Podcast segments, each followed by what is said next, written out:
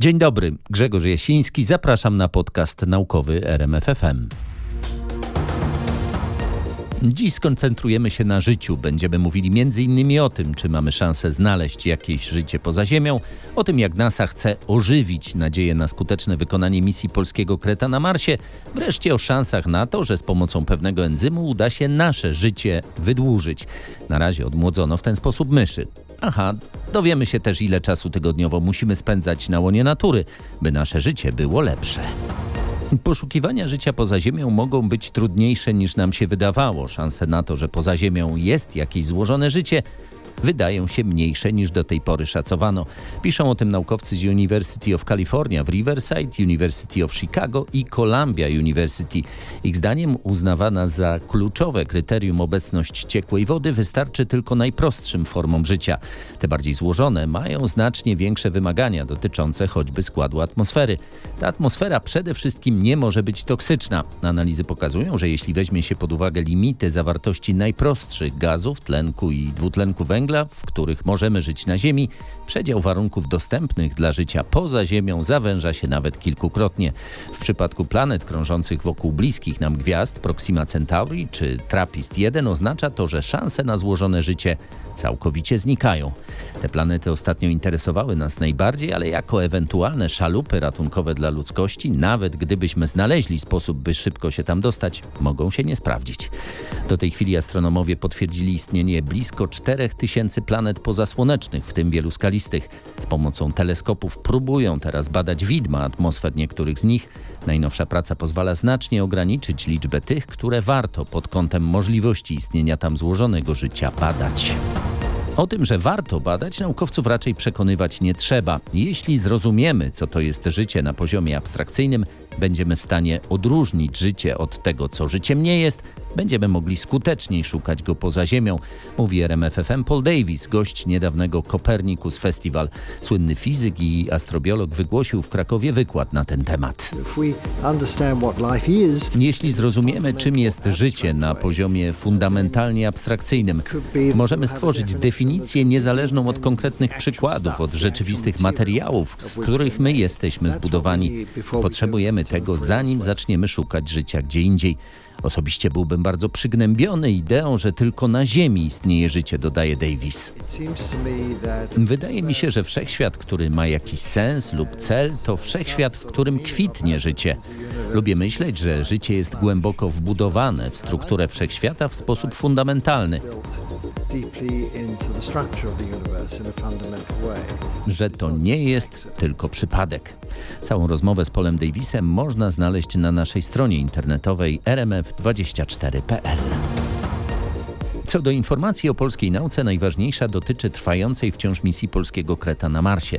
Przypomnijmy, wyprodukowany przez polskich naukowców i inżynierów, głównie z firmy Astronika Penetrator, jest elementem sondy termicznej, która w ubiegłym roku znalazła się na czerwonej planecie na pokładzie pojazdu InSight.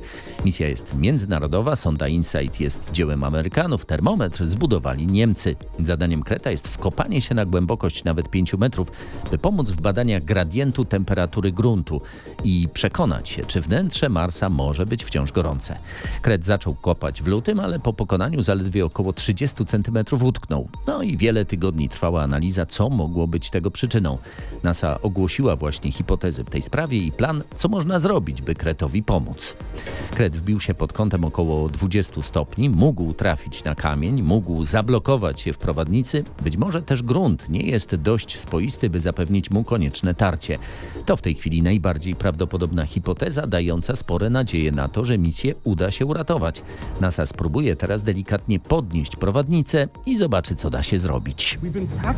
Testowaliśmy to na modelach ramienia robotycznego i samej struktury podtrzymującej tu w piaskownicy w Kalifornii.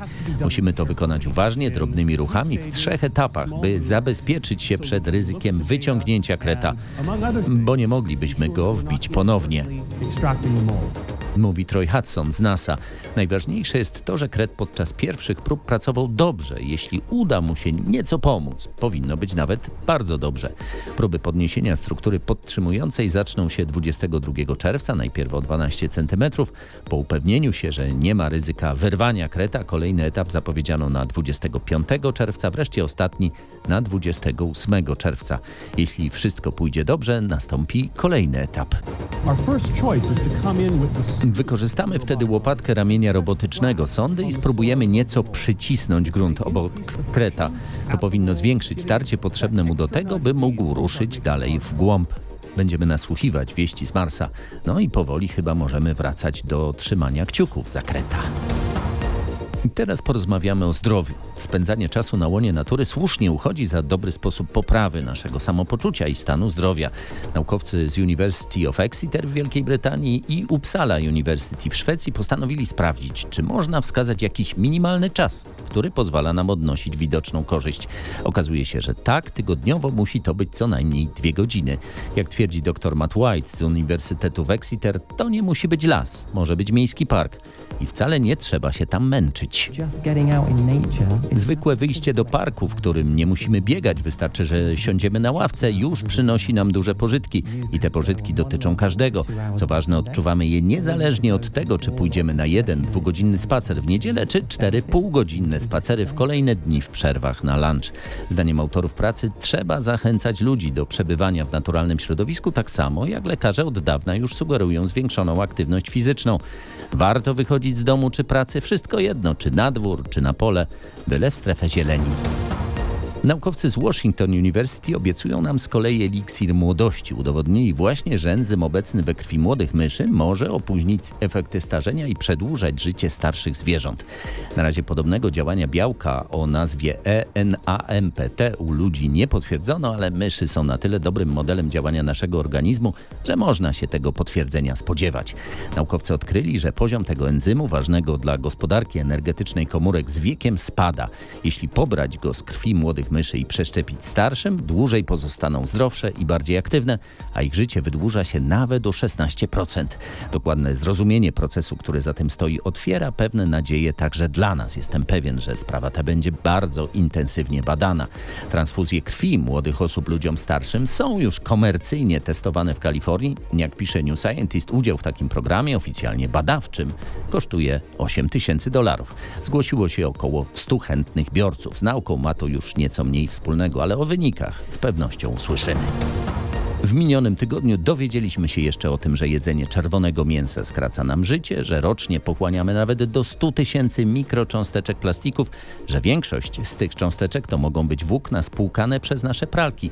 Wreszcie o tym, że popularne sowy, osoby przesiadujące do późna i niechętnie wstające rano, można przestawić na bycie skowronkami, jeśli przez kilka tygodni będą wcześniej się kłaść i wcześniej wstawać. Czy jednak zechcą oddać wieczorny, święty spokój za poranną krzątaninę? No nie jestem pewien. O kolejnej porcji doniesień naukowców, także tych eksperymentujących całymi nocami, opowiem w kolejnym podcaście naukowym RMFFM. Zapraszam. RMF FM